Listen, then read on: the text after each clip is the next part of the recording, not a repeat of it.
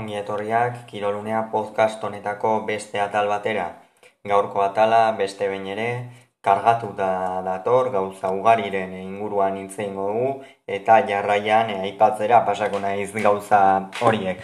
Lehenik eta behin pilota profesionalean Masters CaixaBank txapelketako bigaren jardunaldiko hirugarren partida jokatuko da gaur herri osan huerkanos herrian hain zuzen ere eta unai lasok debuta egingo du txapelketan gogoratuko dugu lehenengo jardunaldian Iñaki hartola izan zela unai lasoren ordez jokatu zuena baina gaurkoan bizkar eta geren diengoak jada osatuta itzuli egingo da txapelketara gogoratuko dugu alere astelenez jokatu zuela Elizondon, astelenean berra gertu zuela, eta gaur berriro ere partida izango du.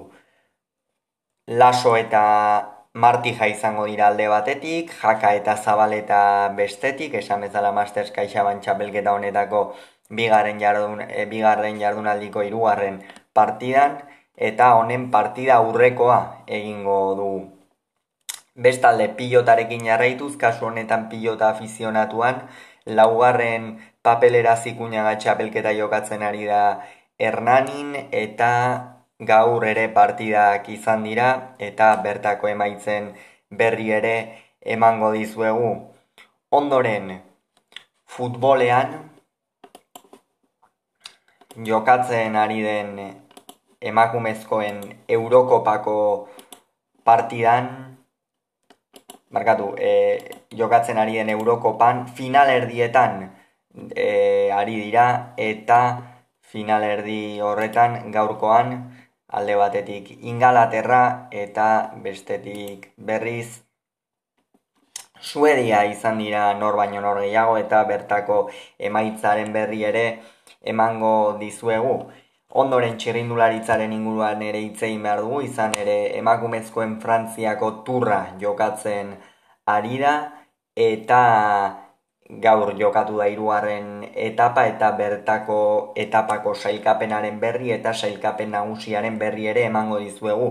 Eta bestalde gizonezkoen futbolean lagun artekoak jokatzen ari dira eta horien berri ere emango dugu beraz, besterik gabe, az gaitezen, eta esan bezala, pilota profesionalarekin eman behar diogu hasiera izan ere gaur emango zaio jarraipena huerkan osen Masters CaixaBank txapelketari, oso txapelketa laburra esango dugu, baina nahiko egutegi zabalean jokatzen ari dena ez da, gaurko kasuan, unai lasok egingo du debuta txapelketan, martijarekin batera, jaka eta zabaleta izango dituzte aurkari. Partida oso irekia ikusten da asera batean kontutan hartuta lasok aurreko kuadroetan dominatu egin beharko lukela eta jaka eta barkatu zabaletak atzeko kuadroetan. Alere, ezin da esan gabe utzi pilota profesionalean ere gaurkoan partidak izan direla.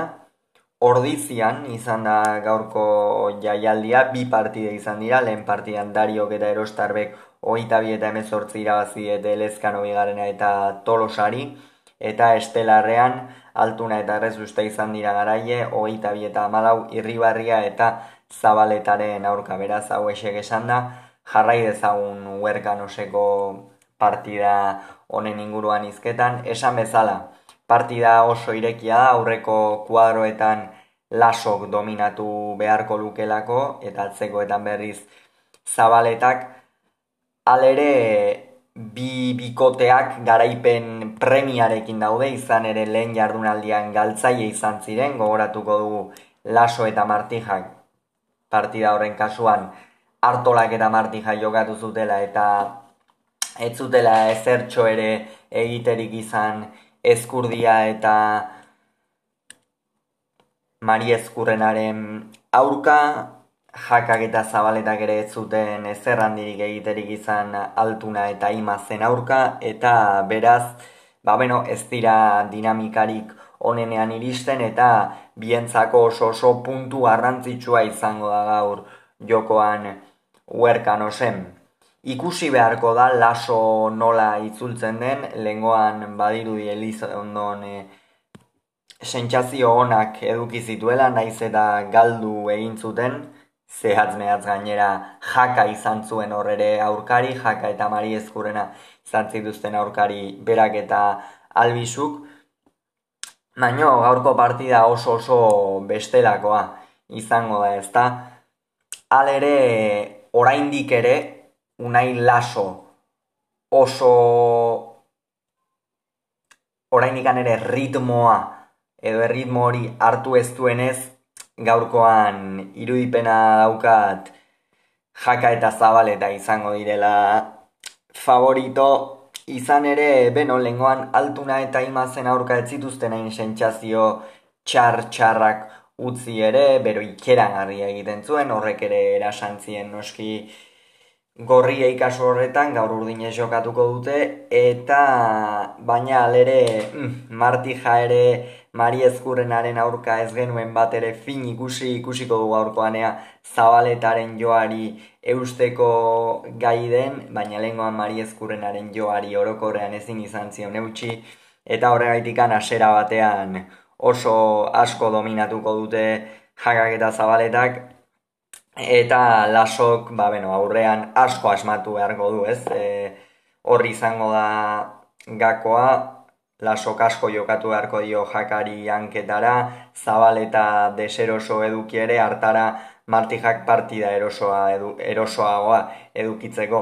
Martijak ezpadin badu partidagoa erosoa edukitzen euneko laro marrean edo urdinen alde joango litzateke garaipena, Eta horregaitik, iruditzen zain gaurkoan urdinak izango direla favorito.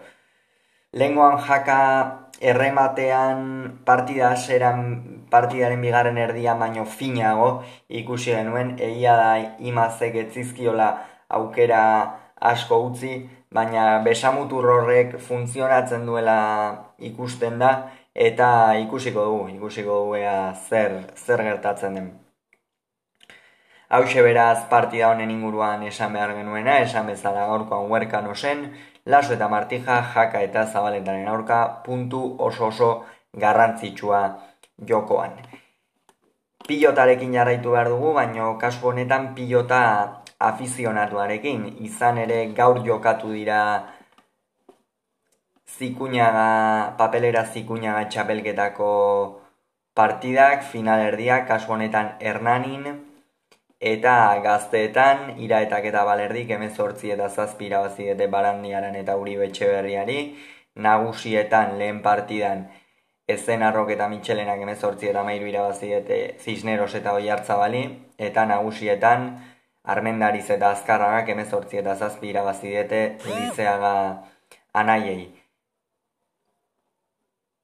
Eta gaurkoan ere, markatu biharko egunez, beste hiru partida izango dira final erdiak hauek ere kasu honetan kadeteetan iturbe eta legarreta izango dira kerejeta eta igoaren aurka gazte mailan etxanizek eta juaristik etxegarai eta mugila hartuko dituzte eta nagusietan oiarbidek eta lasak tirado eta uegunen aurka jokatuko dute.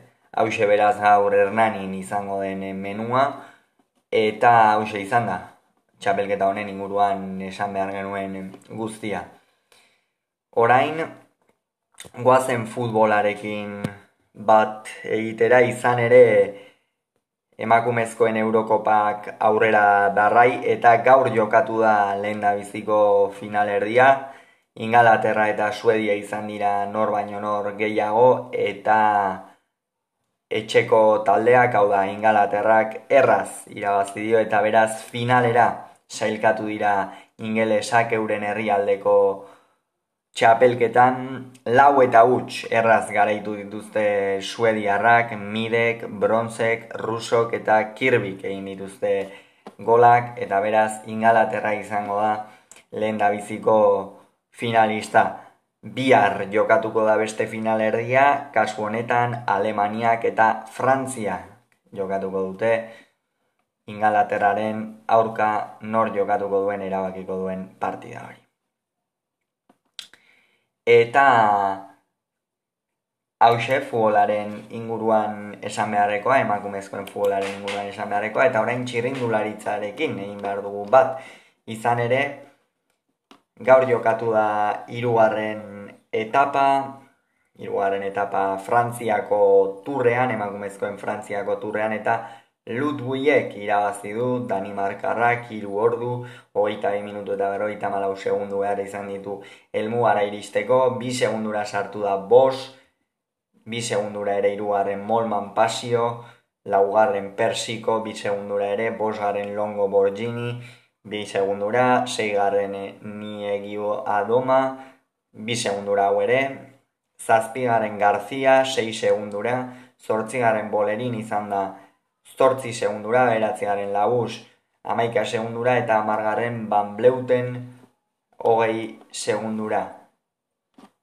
Sailkapen nagusiari dagokionez, Bosek jarraitzen du lider, amasei segundura dauka persiko, niegia aldoma, amasei segundura ere, laugarren longo borgini hogeita bat segundura, bosgarren molman pasio berroita maikara, seigarren mabi garzia berroita maostera, zazpigaren demi bolerin berroita mazazpira, zortzigaren Julien Labus minutu eta bos segundura